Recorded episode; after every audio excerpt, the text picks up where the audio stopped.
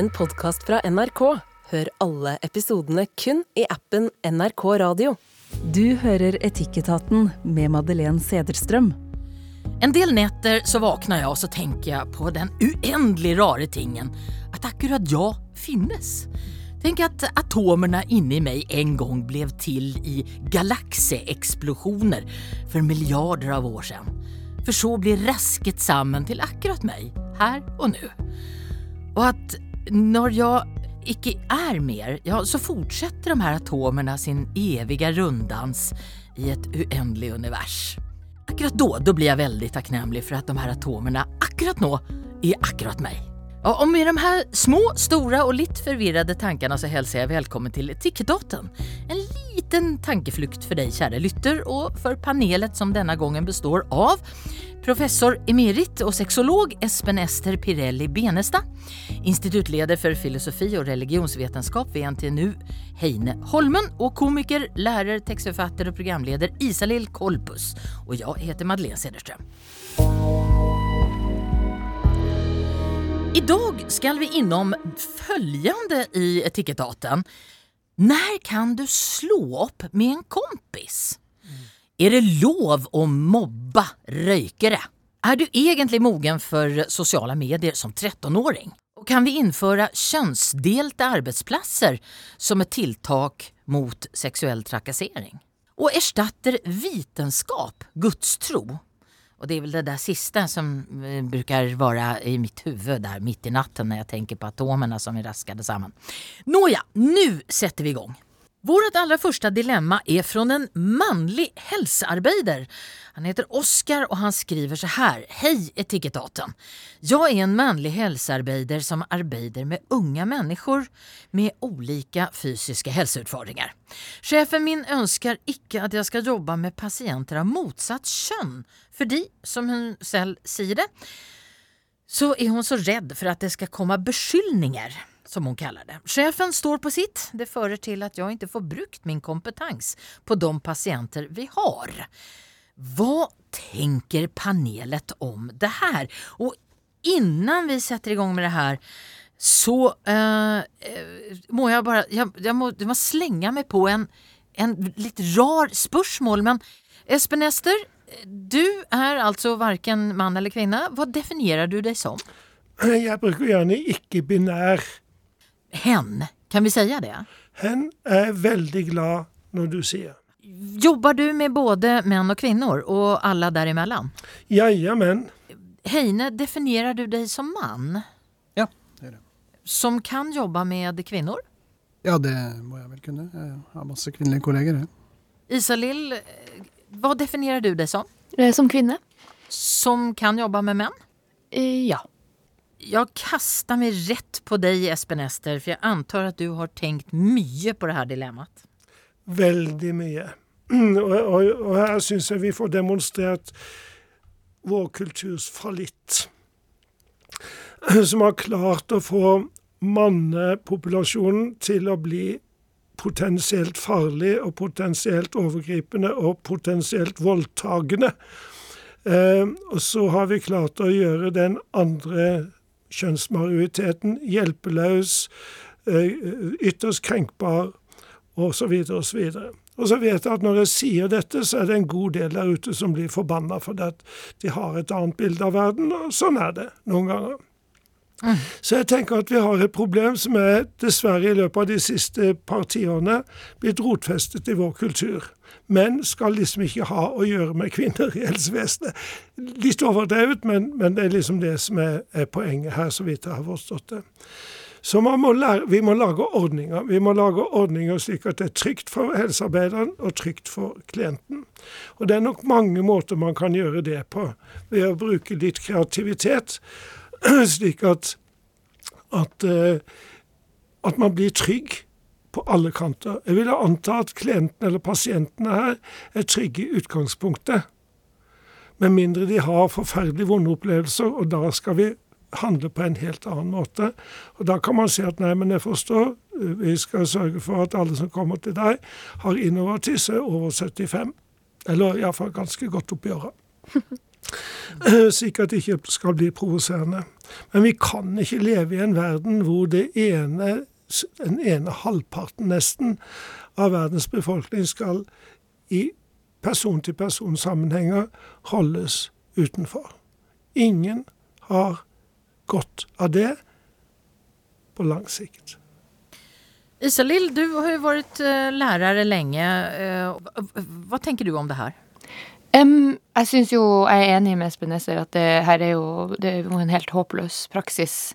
Um, og jeg vet at mange mannlige lærere av og til Eller jeg har hørt mannlige lærere snakke om at de syns det er ubehagelig å ha vært uh, alene på et rom med en kvinnelig elev, og komme ut av det rommet liksom uh, Har sittet der og hatt en elevsamtale eller et eller annet, og komme ut av rommet og så tenkt sånn Å nei, nå så folk at jeg har vært her inne med henne eh, alene enn hvis folk tror at eh, noe, noe, har skjedd her inne.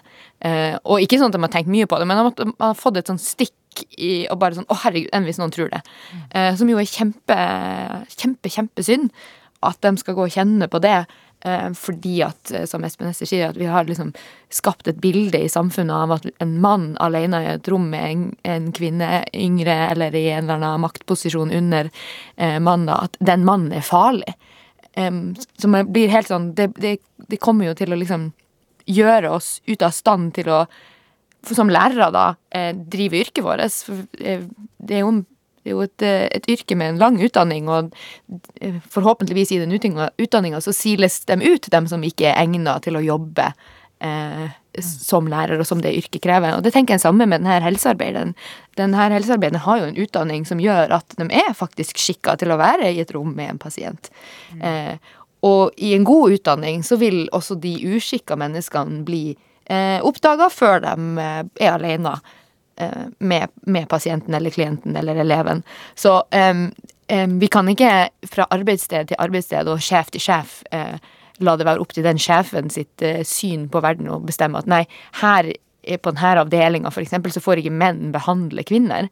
Um, og også denne tanken om at det er jo ikke sånn at alle menn eh, er tiltrukket av kvinner, og alle Altså, det, det, er så mye her som ligger under sånn antakelser om denne personen, at fordi du er mann, så har du de her interessene og de her liksom det, Ja, jeg vet ikke. Jeg blir, jeg blir liksom forvirra av det, På en måte har denne sjefen et utrolig enkelt verdensbilde. Eh, på andre sida et utrolig komplekst og sammensurium av feil antakelser om men sam, Samtidig så har jo denne sjefen statistikken på sin side. For det, det er jo mest menn som begår overgrep. Men, men vi, vi, må ikke la statistikken om de veldig få styre hva vi gjør med alle de andre. Men det er lett å si for den som ikke er offer. Men for den som er offer, så er det jo helt forskrekkelig. Helt forferdelig. Ja. Det er jo helt forferdelig, men, men jeg tror ikke den strukturendringa kan ikke skje på det nivået der vi sier sånn nei, du får ikke lov til å være med damer.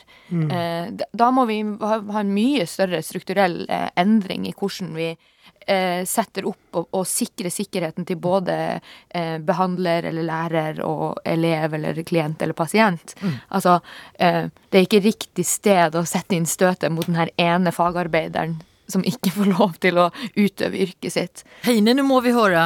Hvilken etikk er det som ligger bak? du, jeg sitter, og, jeg sitter, og, tenker litt på at jeg skjønner eh, lederens dilemma litt her. Jeg, jeg tolker det ikke bare som at lederen her sitter og prøver, forsøker å beskytte en pasient. Det er like mye å beskytte en ansatt mot beskyldninger, sitter jeg og ser litt på nå her. Eh, jeg husker bl.a. en situasjon jeg hadde i, i, Oslo med min veileder. Altså ikke en situasjon, hørtes det veldig gærent ut, men jeg husker at når jeg ble veiledet av han, en flott uh, professor i filosofi, så var døren alltid åpen. Men han satt jo gjerne med døren igjen når han jobbet. Så jeg spurte han om det en gang, og det viste seg å være en, uh, en instituttinstruks om å ha døren åpen under veiledningssituasjonen, så det ikke ble en sånn ord mot ord-situasjon. For det er jo det som er litt av bakteppet her. Det, ene er jo at det er alvor, for det første. ikke sant? Vi vet etter metoo og alle de tingene som har kommet opp, vi vet at overgrep skjer. Og forbausende mye. Uh, vi vet også at det kommer falske anklager. Uh, kanskje mer enn vi har lyst til å tenke på. Og alt dette her setter i sving en eh, prosess og en situasjon på en arbeidsplass f.eks. Eh, og det er en veld, ofte veldig epistemisk vanskelige situasjoner. fordi Nå får du forklare hva epistemisk er. ja, epistemisk blir jo altså det kunnskapsmessige. da. Vi vet ikke hva som har foregått. Ofte er det uten vitner eh, av tredjepart. Eh, Det blir gjerne ord mot ord. Eh, Som er en vanskelig situasjon å gå inn og finne ut av hva er det som nå har skjedd. Så det er både liksom en situasjon hvor det ofte er, eh, hvor det på en måte er mulig å komme med en falsk anklage, men også en situasjon hvor, du, hvor du, hvis du kommer med en reell anklage, så er det vanskelig å bli trodd.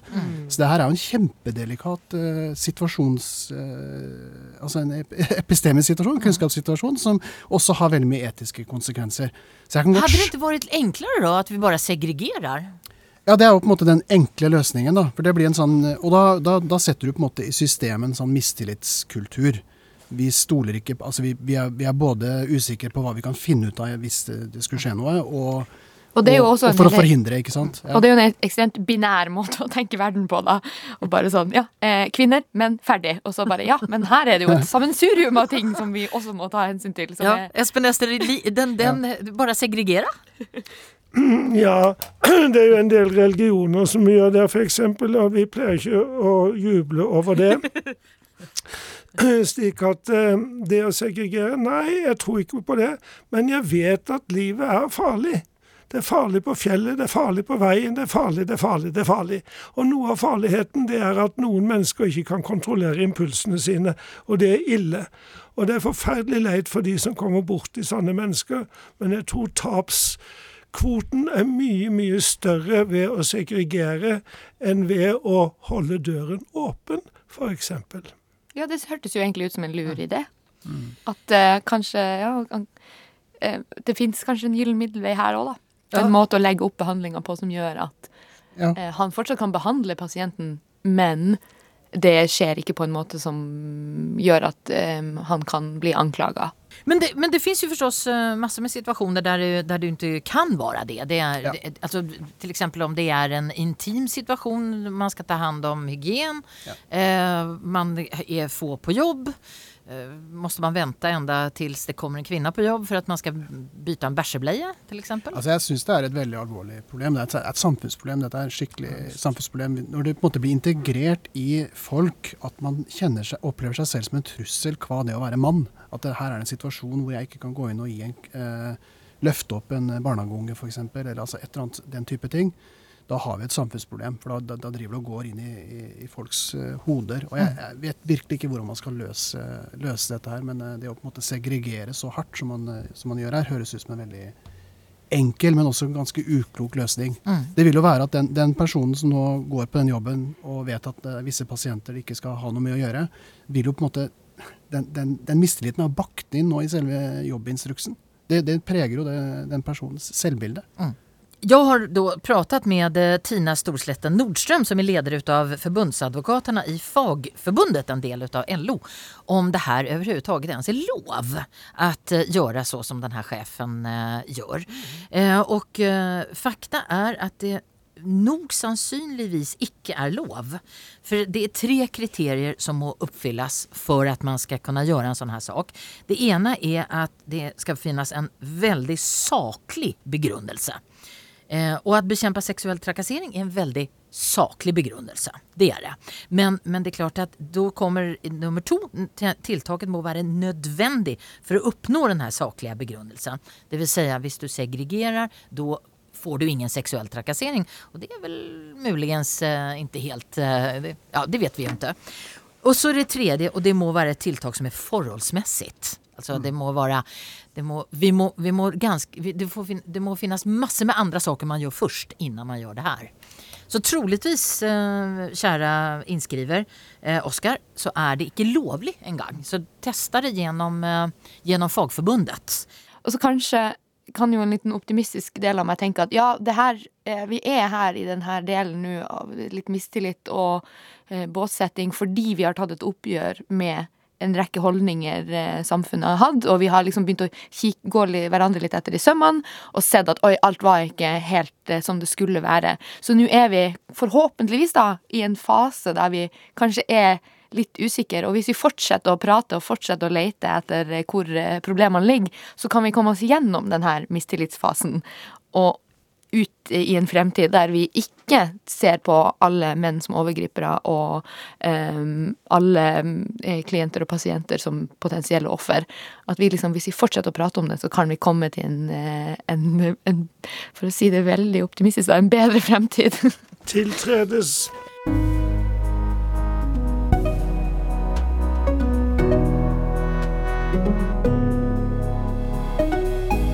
Professor emerit og sexolog Espen Ester Pirelli Benestad, instituttleder for filosofi og religionsvetenskap ved NTNU i Trondheim, Heine Holmen. Komiker, lærer, tekstforfatter og programleder Isalill Kolpus. Og jeg heter Madeleine Cederström. Det er en dame fra Stavanger som har eh, skrevet in til oss. Och her handler det om røyking og hva hun må tåle av ubehag fra naboenes røykevaner. At naboene røyker inne hos seg selv, det vedkommer jo ikke henne. Men når de lufter, ja, da kommer det en aldri så liten vegg av sur røyk over på hennes veranda. Og det gjør at hun kan nesten ikke bruke verandan. Hon hun har ikke verandadörren åpen. Hun er leietaker og har klaget til utleier, men får beskjed om at det her, det må hun bare finne seg i. Ja, skal vi begynne med ert forhold til røyking? Heine, røyker uh, tidligere, eller? Altså en uh, angstdrevet, nevrotisk, uh, litt edgy ung uh, filosof har selvfølgelig røyka. det skulle bare mangle. Det deler jeg mye, det.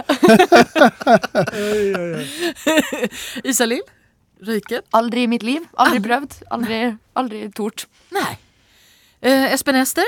Ja, for mange, mange mange år siden, og jeg har bare vonde tanker om det. For jeg var en typisk bomme. Så når noen, når noen spurte meg hvilket merke jeg røykte, så sa kona mi og det kommer helt an på hvem hen har bommet av det.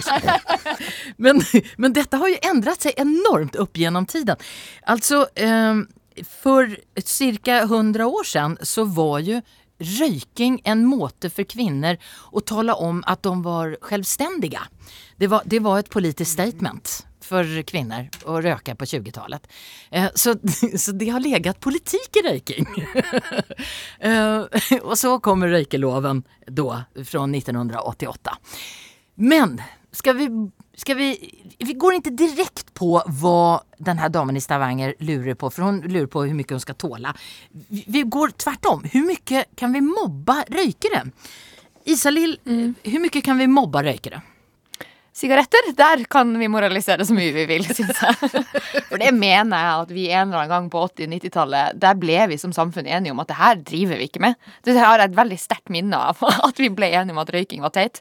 Og nå eh, så nå når jeg ser folk som røyker, så blir jeg faktisk helt sjokkert. Jeg blir helt sånn Hæ? Driver vi enda med det? Det, det trodde jeg vi på ordentlig var ferdig med. Um, så jeg mener jo at det her Jeg skal bare frislippe på å mobbe og, og si Hva er det du driver med? Du ser ut som en idiot. ja, fordi det, vi tenker så inni oss Mennesker som røyker, ser vi nesten litt ned på. Espen Ester, gjør vi ikke det? Ja, det er jeg redd for at vi i noen grad gjør, og det syns jeg ikke vi skulle gjøre. De fleste røykere som jeg har vært borti, vil gjerne slutte. Så når du treffer en sånn person, så treffer du en som gjerne vil slutte, og jeg tror ikke mobbing hjelper. Men vi skal grensesette igjen. Er du hos meg på besøk, så røyker du ikke. Vil du gå ut på verandaen, ja, så kan du gjøre det, men da må du lukke døren. Det er en slags trafikkregler da for røyking som jeg syns vi absolutt skal eh, håndheve. Eh, men å se ned på røykeren, det hjelper da ingen. Ja, Heine, her har det jo skjedd en enorm forandring. Altså jeg, jeg, husker jo fortsatt røykekantina på Blindern i Oslo. Den var der et par år da jeg begynte å studere. Så, og det var der de kule folken var? Der hang vi, vi kule. Hang, hang der. um, men samtidig, og det har gått fra å være den statusen der til å bli en helt sånn paria-klasse. Ja. Altså ja. lavkaste Og det kjenner jeg Jeg har ikke noe lyst til å mobbe Altså det har at jeg mobbet mine, mine egne foreldre røyker, ikke sant. Og det, jeg har full respekt for det. Så, så det, det, går ikke. Så det har, de har falt ganske eh, langt, da. Ja. Så det blir på en måte assosiert med å sant, mangle selvkontroll, dårlig helse, kanskje lavere klasse osv. Og, og det er jo ikke en veldig bra sak, for du kan være et uh, fantastisk menneske selv om du har en, hang til sigaretter, sier han eh, som har eh, sigaretter på samvittigheten. Jeg jo sitter jo veldig komfortabel på min høye hest her, siden jeg aldri har eh, prøvd noe som helst. Så, og da kommer vi da tilbake til den her väggen av røyk som eh, naboen får inn hos sig. Vi kan ju ta naboloven som säger att man ska inte påföra nabon ulempe. Men det är väldigt vanskligt att nekte folk att röka i egen lägenhet eller på privat balkong. Så de har lov eh, till det. Det har de. Men så kommer vi til et tilleggsinformasjon her, og det er at det befinner seg et barn inne i denne leiligheten. Det er fire voksne og et barn og tydligen så utsetter de det her barnet for veldig mye røyk. Endrer det saken? Er det, er det nok til å ta omveien til barnevernet? Oh, den, den, den kjenner jeg, den var, den var vrien. For det blir en helt annen prosess. Da Ja. har du plutselig et helt annet system eh, involvert. Det er ikke sikkert du gjør verken eh, barn eller de fire voksne noen eh, tjeneste ved å, ved å trekke inn det, men kanskje, selvfølgelig. Jeg, jeg tror ikke du ja, Nei, nei, den er jeg usikker på. Men, men det er jo helt klart, de sitter jo i sitt private hjem, og det er jo definert som det, så du har lov til å røyke. Altså det er fortsatt lov til å røyke i Norge. Ennå. Så, så det er jo fritt frem der, og også på balkong. Så, så og selv om det er et barn i lägenheten. det blir jo litt sånn som andre skadelige ting som man utsetter egne barn for. Det fins folk som har eh, veldig snurrige og pussige religioner også, som jeg tenker at det der er en eller annen form for barnemishandling på et eller annet nivå. Men man kan ikke bare gå inn og ta de og reagere på det. det er, visse skadelige ting har man lov til å gjøre i de private hjem, da. Tenker vi liberale. Isalill, hadde du eh, ringt barnevernet? Um, oi, ja, nei hmm. Det her er jo Da, da dukker opp en annen debatt. da. Hvor, hvor høy eller lav skal terskelen være for å melde ifra om at man er redd for at et barn har det vondt? Um, Men det ändrar, sak, det ändrar saken at det er et barn inne i leiligheten? ja, gjør det ikke det, da? Altså Hvis det røyker såpass mye at, at ja, Vi vet jo at passiv røyking er, ikke er bra. Um, så, og det her barnet har jo sikkert ingenting det skulle sagt på situasjonen. Espen Ester, hva skal man gjøre? Ändrar det saken det her? Hur, at det er et barn til stede? Mm, Absolutt. Eh, Helsemessig, absolutt. Men, men hvis vi nå tenker oss at disse menneskene der inne i den leiligheten også har forstand, sånn som vi har, og at de av en eller annen grunn bruker forferdelig mye tid innendørs på å sitte og røyke. Hvorfor gjør de det? Er dette, hvis dette f.eks. er nye landsmenn, eh, så eh, ville nok min første innskytelse være å gå og banke på døren og si jeg er naboen deres, kan vi spise middag sammen, slik at vi blir bedre kjent. Eh, og det vil, er også litt sånn smart, da. For etter middagen så De færreste røyker under middagen, og hvis de prøver seg på det, så, så ser man uff, nei, det, da, da smaker maten så dårlig. Og hvis de vil røyke etterpå, så kan man si at ja, det, det må dere jo gjerne gjøre, men jeg vil helst ikke at det er på min altan.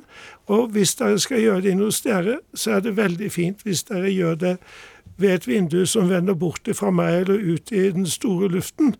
Eh, for da For det, det plager meg sånn, dessverre. Bygge kanskje tillit og Bygge tillit og vennskap og åpenhet og mulighet for å, å grensesette igjen.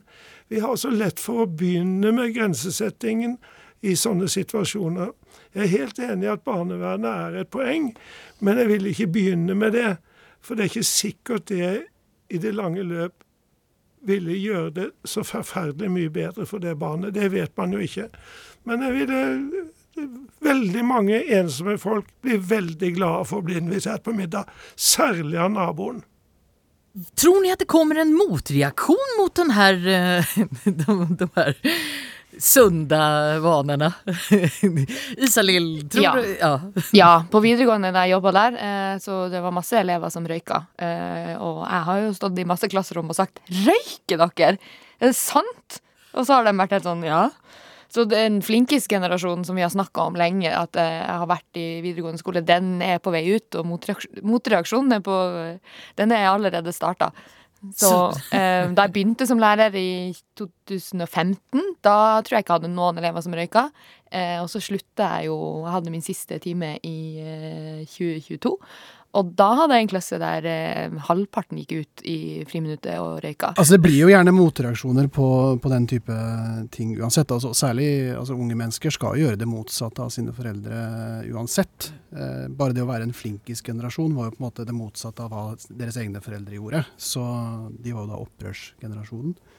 Så det, det ligger jo i, i i sakens natur. Det. Og så tror jeg kanskje det, det, er noe med livet, og det, det, skal inneholde et element av kaos. og Spørsmålet er bare hvor det er fra. Det er jo et gammelt, uh, artig essay av Jens Bjørneboe som heter uh, 'Gi dem en øl før idretten tar dem'. Og Poenget der er, uh, er, jo ikke det at de skal bli alkoholikere. Nå hadde jo han det som et problem også, da, men det er en annen sak. Men, men det er noe med å ha den der støyen i livet. I tillegg til at alt skal gjøres riktig, så skal du også tillate deg å ha ja. rom for litt kaos og litt liv, da. Ja, jeg må si at en og annen klient som har på en måte lidd under behovet for å være rampete, uten å gi seg selv tillatelse til det. Så, dame i Stavanger. Du, det, her finnes det jo bare én sak å gjøre. Det er å ringe på hos naboen. Bjuda dem på middag og fortelle hva du eh, egentlig tenker. Men på et schysst og snelt sett. Var det riktig, Espen Ester? ja, i første runde vil jeg absolutt gjøre det. Og det syns jeg vi alle skulle gjøre oftere. Med mennesker vi tenker er ensomme eller ikke ennå har funnet seg til rette i, i våre sammenhenger, at vi skulle være flinkere til det. At noen ganger skal vi initiere vennskap med de som vi tror trenger det. Bare pass på å sette askeveger ut på verandaen. Definitivt.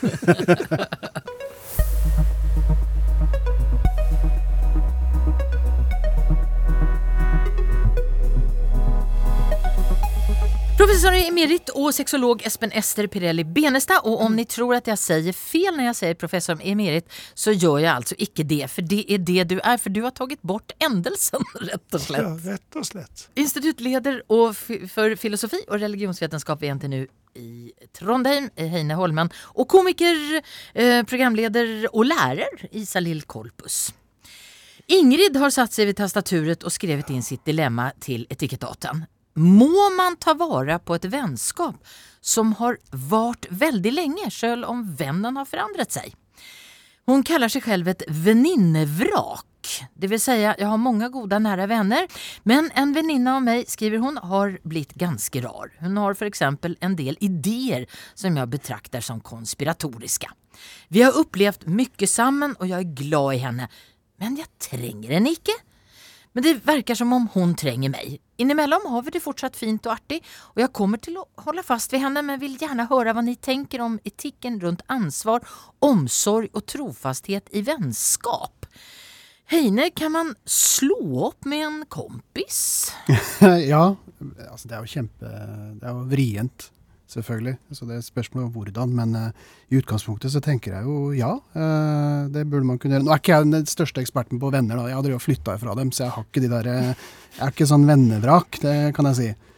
Jeg har mange gode kolleger og sånn, men, men, venner har jeg på mange måter flytta litt vekk fra i og med at jeg har litt rundt. Så jeg er kanskje ikke den beste rådgiveren her, men jeg tenker i utgangspunktet at venner skal være noe som er til godt for deg også, da, som menneske. Så jeg, jeg vet bl.a. at han Jordan Peterson, som har sagt veldig mye rart, han har også sagt en ting som jeg syns var klokt, og det var at du, du, skal ta deg litt i vare hvem som er vennene dine, i den forstand at de skal gjøre deg godt. Så det, du skal faktisk gå vekk fra vennskap som er dårlig for deg, som menneske, da. Isalill, har du mange nære venner som du har holdt lenge?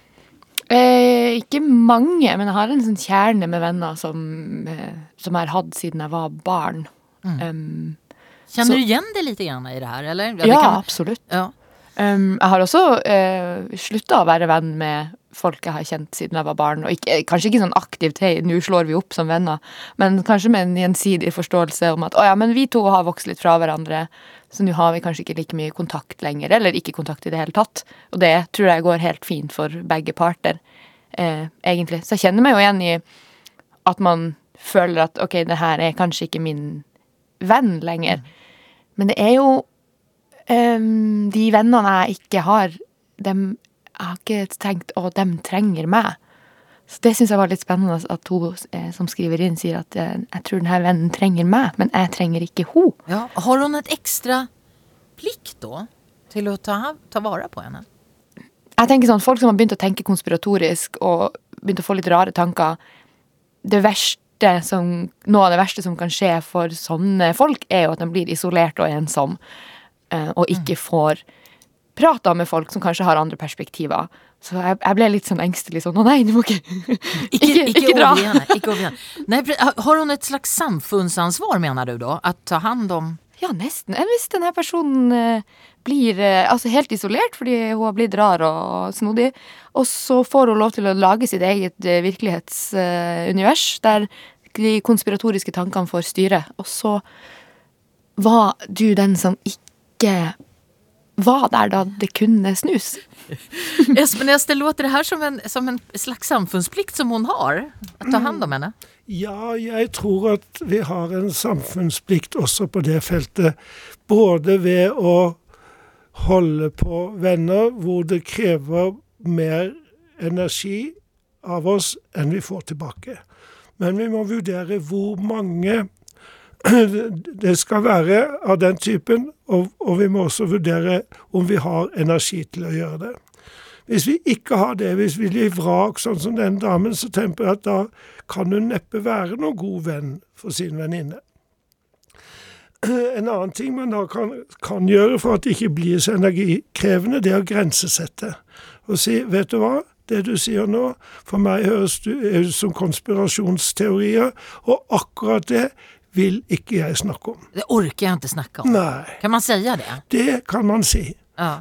og, og det er noe med å være seg selv overfor hverandre som vi kanskje ikke er så flinke til. Vi trekker oss unna kanskje oftere enn vi burde, nettopp fordi at vi orker ikke å grensesette den andre. Så det, ja, precis, så du, vi trekker oss undan, vi go ghostar som det heter nu för tiden, istället för att ta den konfrontationen. Ja visst. Da må man altså vurdere har jeg energi til dette. Det, det er helt grunnleggende. For har man ikke det, så blir det galt uansett hva en gjør. Men jeg synes man skal ivareta noen vennskap, selv om det noen ganger er helt umulig. Og så er jeg selvfølgelig enig i at vi rett som det er glir fra hverandre. Uten at det skader noen eller skaper noen vonde følelser. Det er nok det vanligste når det gjelder vennskap. Heine, Isalill og, och Espen mm. har en slags lite teori om at vi har, at vi har et samfunnsansvar. Ja, og jeg, kan, jeg, jeg ser helt klart det poenget, fordi isolerte individer er jo ofte på en sånn eh, downward eh, trip som ikke er eh, heldig verken for samfunnet eller andre, og man kan ha et ansvar der.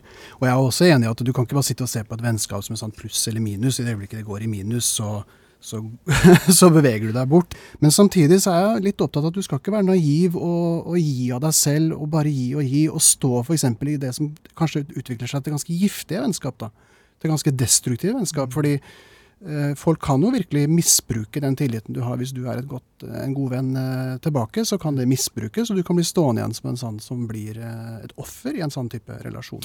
Men det- som Espen Hester snakker om her, det her med at vi trekker oss undan lite fort kanskje. Ja, Gjør vi det idag? Vi er ikke gode på å konfrontere. og nå har Vi jo nett, altså vi har jo på en måte de sosiale midlene, eh, mediene som et mulig verktøy for å faktisk gi det kraftige signalet. Det å kutte folk De er ikke lenger venner på sosiale medier. og Det er da et kraftig nok signal til, til å sende den beskjeden om at vi er ikke lenger venner. Altså ghosting, da. Og det er Men jo då verk- slipper man å si det øye til øye. man bare gjør ja. det. Altså Det er verktøy som jeg ikke hadde da jeg var eh, tenåring, i hvert fall. Så, så da måtte man måte enten ta det ansikt til ansikt, eller i hvert fall ta det på en telefon. Kunne ikke sende en tekstmelding engang, for det fantes jo ikke. ikke sant? Så, så det er jo, verktøyene har blitt annerledes, og det gjør at det der kan bli litt mer brutalt. Og da, konfrontasjon er jo aldri noe artig, så det trekker vi jo selvfølgelig oss unna. Vi prøver å gjøre det lettest mulig.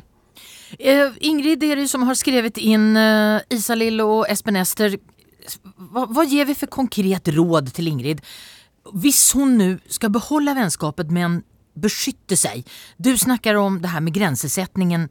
Espen Ester, kan du ge, henne några konkreta tips? Hva skal hun gjøre?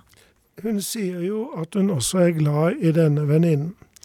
Og så kan hun lage en slags timeplan for seg selv og si at jeg har energi nok til å være sammen med henne to timer i uka da, for bare å velge noe. Og, og da må jeg også tillate meg å, å grensesette. Og så ser hun jo også at noen ganger har vi fine samtaler. Så jo flere hun kan få av de, dess mindre energi trenger hun å bruke. Men det krever at hun er åpen med hva hun føler. Og det må jo venner kunne være overfor hverandre dersom man skal kalles venner. Mm. Så hun må nesten kunne si til sin venn Vet du hva, jeg syns at det er litt jobbig å være sammen med deg. Ja. Isalill, har du noe sånt der konkret oppmuntrende råd til Ingrid? ja. Jeg er jo enig med Espen Ester at det kanskje eh, liksom gjør et regnskap for deg sjøl. Hva har jeg tid og råd til av min egen, mm. min egen energi? Og så gi det litt tid. Denne personen har jo endra seg, kan jo endre seg igjen. Eh, det er kjipt hvis du mister henne på veien. Eh, kanskje det her er en fase som denne personen må gjennom. Kanskje din, ditt nærvær om så to timer i måneden eller uka, eller hva nå enn som er nok mm. for deg. Kanskje det er noe som gjør at hun kanskje kommer tilbake til der hun, der hun en gang var, eller at hun skjønner noe nytt om seg sjøl og mm. legger fra seg de Hvis de konspiratoriske tankene hennes er veldig skumle og vanskelig, så kan man jo komme seg ut av dem òg. Men da kan man ikke være alene, tror jeg. Ingrid, ta vare på din gode, gamle venn, men sett grenser.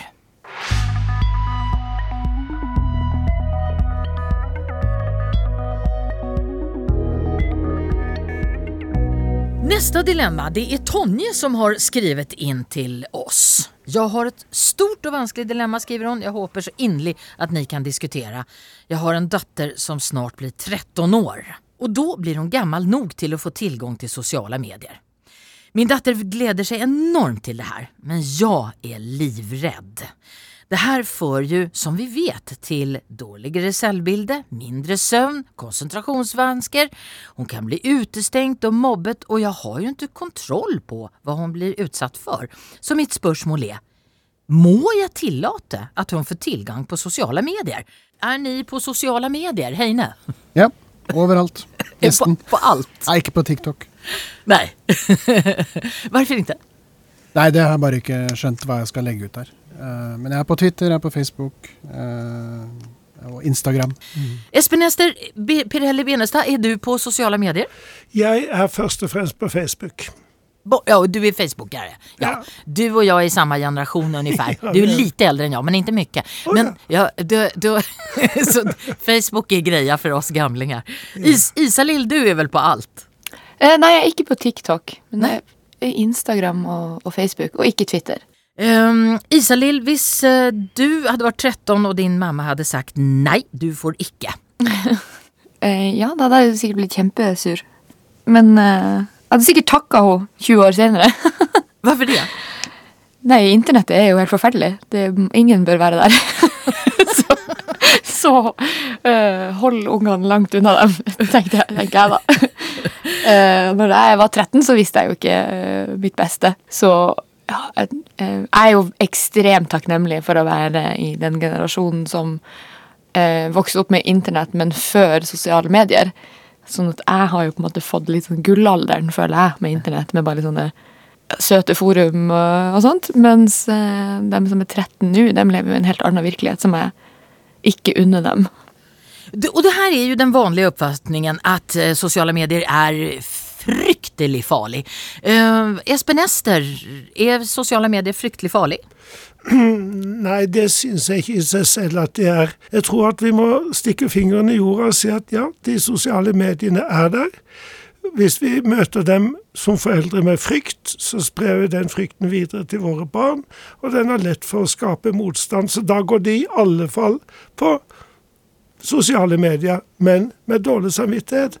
Slik at det beste jeg tror vi kan gjøre som foreldre, det er å ta og snakke om dette. Hva har du vært borti på sosiale medier i det siste? Det, det lurer jeg veldig på. Kunne du fortelle litt om det? Mm. Heine, kan, eh, kan, man eh, ja, Hun har jo rett å nekte sin 13-åring eh, å være på sosiale medier, men Ja, ja. Hva er konsekvensene? Nei, det her er jo en sånn klassiker mellom å beskytte og frihet og autonomi. Det er jo det mm. foreldre gjerne står i det. fordi Altså for å ta det store bildet, når du har barn, så begynner du med en celleklump som ikke har noe vilje og bevissthet og fornuft, og så til slutt så sitter du der med en 18-20-åring som er full av vilje og autonomi, men kanskje ikke så mye fornuft. Så det er et eller annet sted mellom her så må du jo slippe opp, og det her er jo en, en del av det bildet. Men det er jo helt klart, altså det er jo massevis av negative eh, ting ved sosiale medier. Altså det, Og det er dokumentert, vi vet det. ja, ja, det vet vi. Vi vet om farene. Altså det, er jo, det er jo avhengighetsskapende som bare pokker. Det vet vi. Det, de følger jo de samme nervebanene i hjernen som eh, amfetaminbelønning.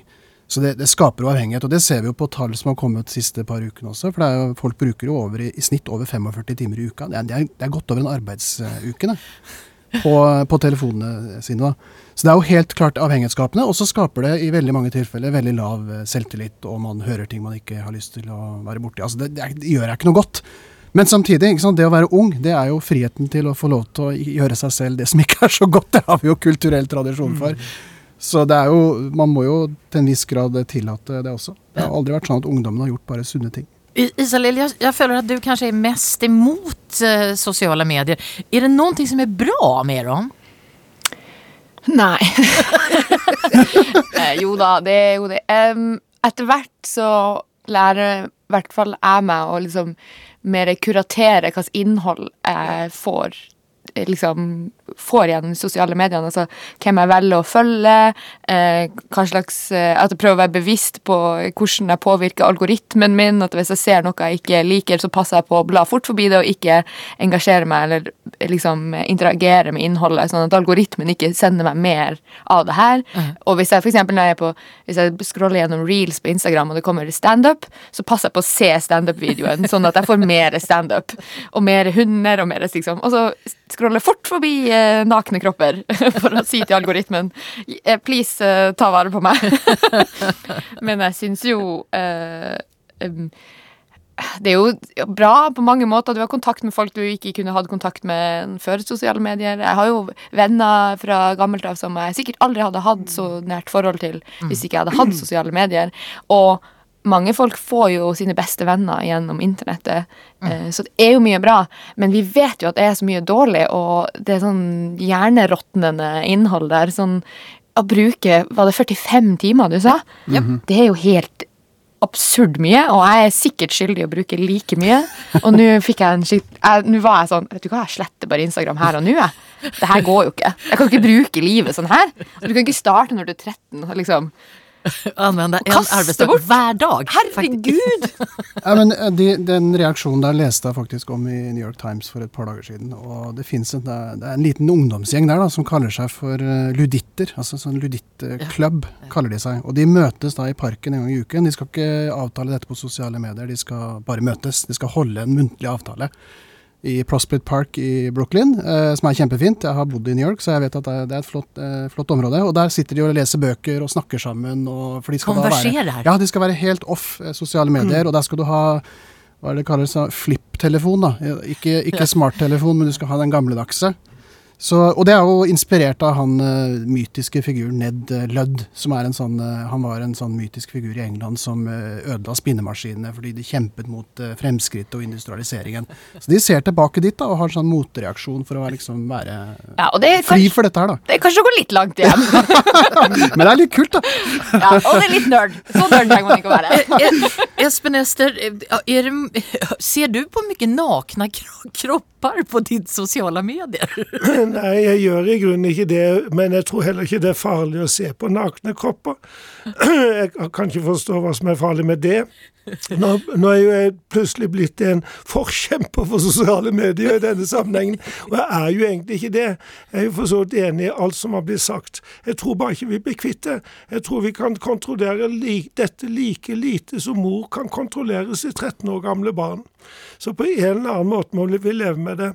Og da kan det være fint å se er det noe positivt. Ja, for de menneskene som jeg steller med det med, hvor den en likesinnet kan være ganske langt unna, så er eh, sosiale medier det stedet hvor man treffer en som føler omtrent som meg. Og, og det å, å oppleve det, det, det er veldig motsetning til hvordan det var før i tiden, hvor man følte seg som den eneste i verden. Og tillatelsen til å være det man er, er blitt mye, mye større. Og der har sosiale medier gjort en kjempejobb, selv om jeg ikke akkurat tror at det var motivet til sosiale medier å gjøre det. Det tror jeg ikke. Men det er iallfall en virkning. Eller eventuelt, vi kan kalle det en bivirkning. Hvis, hvis vi nå tar uh, våran uh, innskriver helt på alvor, uh, Isalill, mener du at hun faktisk kan forbjude henne å være på sosiale medier? Mm. Jeg syns hun skal prøve. jeg vet, altså Hun kommer jo sikkert til Dattera kommer sikkert til å bli kjempesur og øh, synes at mamma er den dummeste i verden. Men øh, det er det meninga at hun skal synes når hun er 13. Dere skal Mor og datter uh, Dere blir jo ikke venner før, dere, for hun er 25. Så det, det går bra. Bare vær, vær, litt, vær gjerne litt uvenn med henne i den stakkede stunden du klarer å stoppe henne fra å være på sosiale medier. Eller altså Den gylne middelveien her er jo sikkert å liksom lære dattera nettvett eh, fra tidlig av. Mm. Um, for eksempel så som lærer, da jeg jobba som lærer, så fant vi jo plutselig ut på skolen der jeg jobba, at eh, mange elever brukte TikTok som kilde. Um, når de skrev oppgaver. Altså, De gikk først til TikTok. Hvis de skulle skrive om hinduismen, så gikk de på TikTok og søkte på hinduismen, og så så de masse TikToks om hinduismen. Uh, og da var jeg litt sånn Ja, det er ikke så lurt. Og vet dere at det ikke er så lurt? Så der har man kanskje veldig mye å gjøre i å lære dem hvordan man er smart på, på sosiale medier. Så du kan jo, kan jo gjøre det, men uh, jeg syns også du skal prøve å nekte å være på sosiale medier. Espen Ester, hva skjer hvis mor nekter henne å være på sosiale medier? Det kommer helt an på 13-åringen. Noen er jo eh, lydige og gjør som, gjør som mora di sier, eh, men andre er slett ikke det. Og det er helt riktig, hun kan komme til å føle seg utenfor fordi at mange andre omkring henne er på sosiale medier. Jeg synes det er kjempevanskelig. Vi lever i en tid som er vanskelig å leve i, selv om vi på mange måter har det godt. Og vanskeligheten består jo nettopp i at det ligger så mye foran føttene våre som vi kan bli hekta på, og som kan ta all vår tid, og som kan misinformere oss. Foreldre er til for å være et reflekterende organ for sine barn.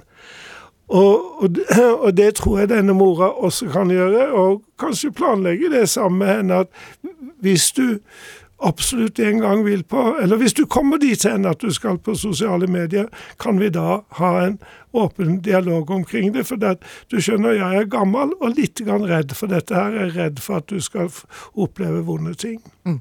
Tonje, du har antagelig ingen valg og gi henne tilgang. Du må nesten gjøre det. Men lær henne masse nettvett.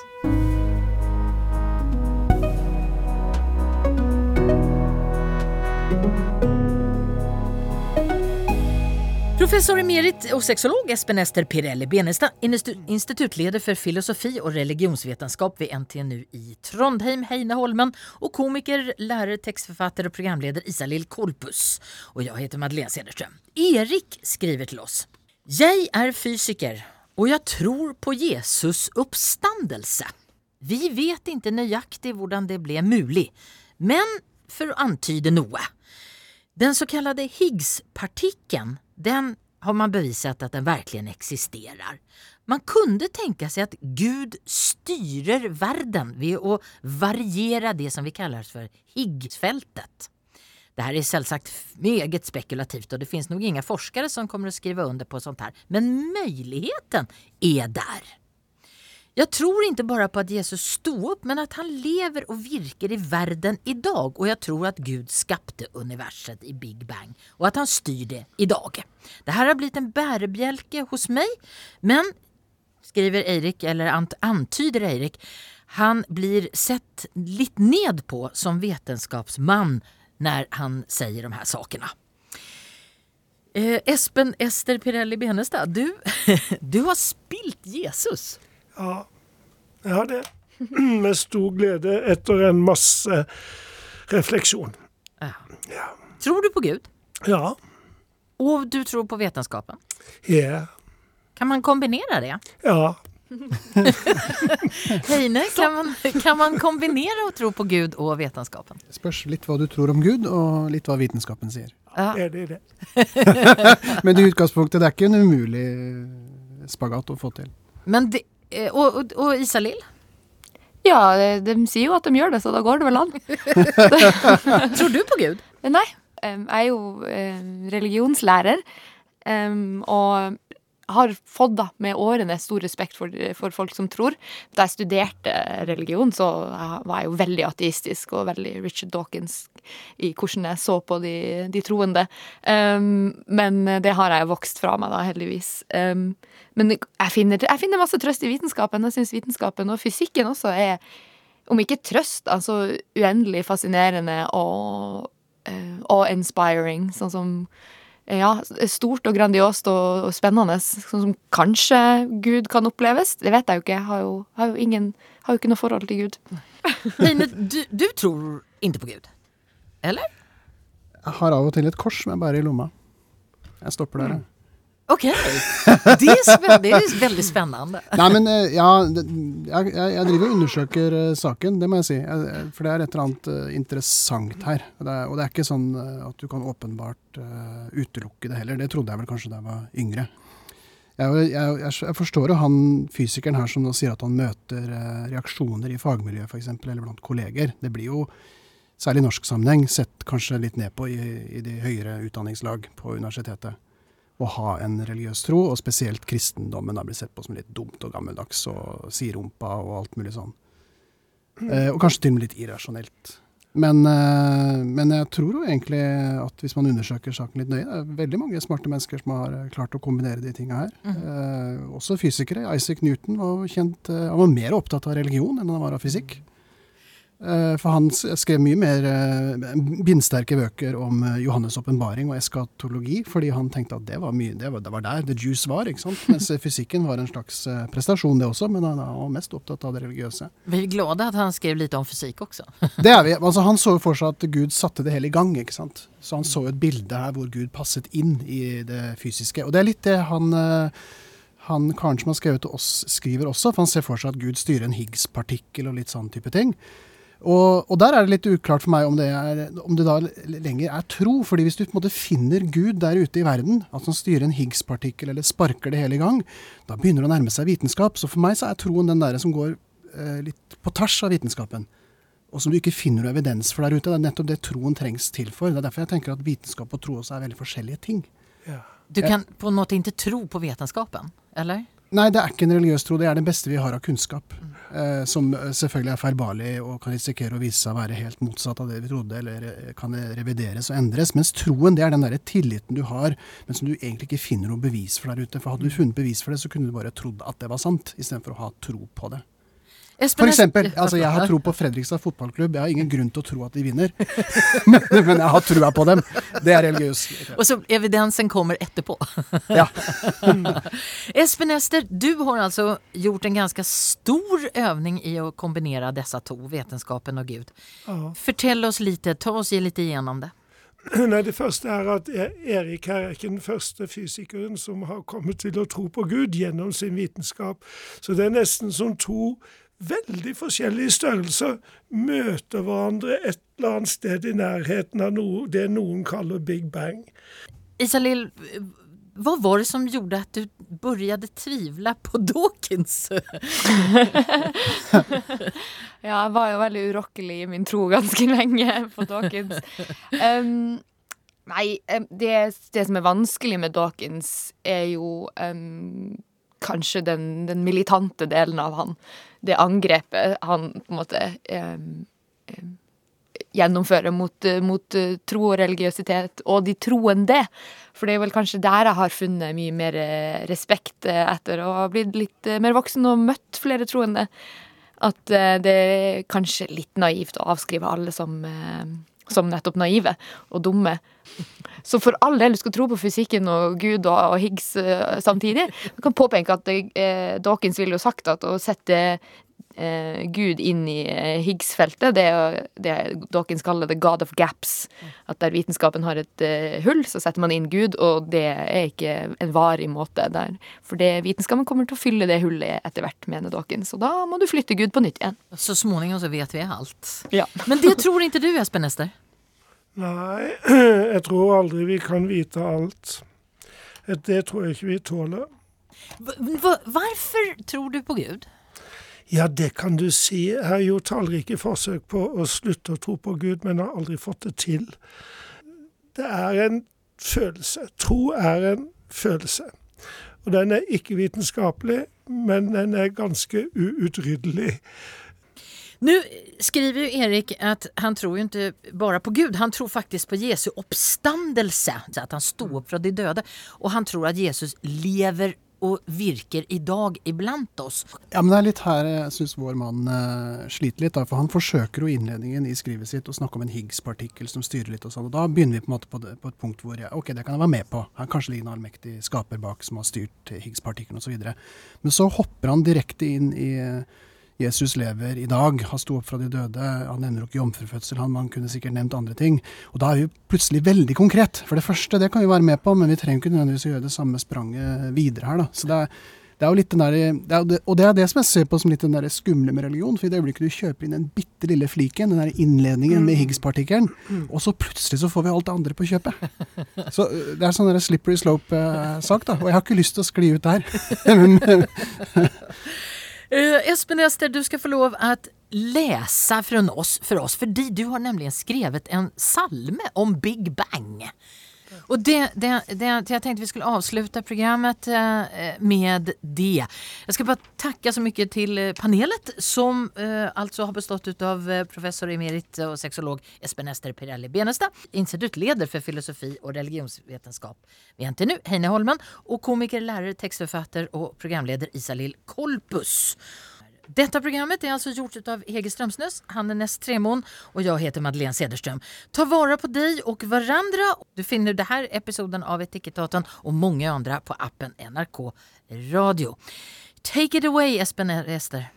For den gang det var ingenting, ble faktisk noe til.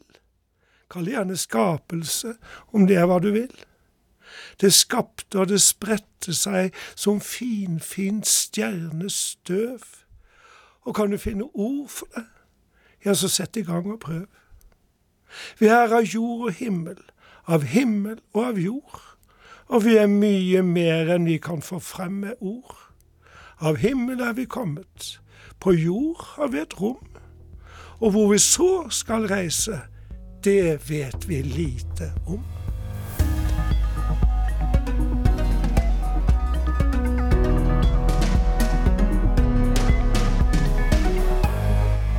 Du har hørt en podkast fra NRK. Hør alle episodene kun i appen NRK Radio.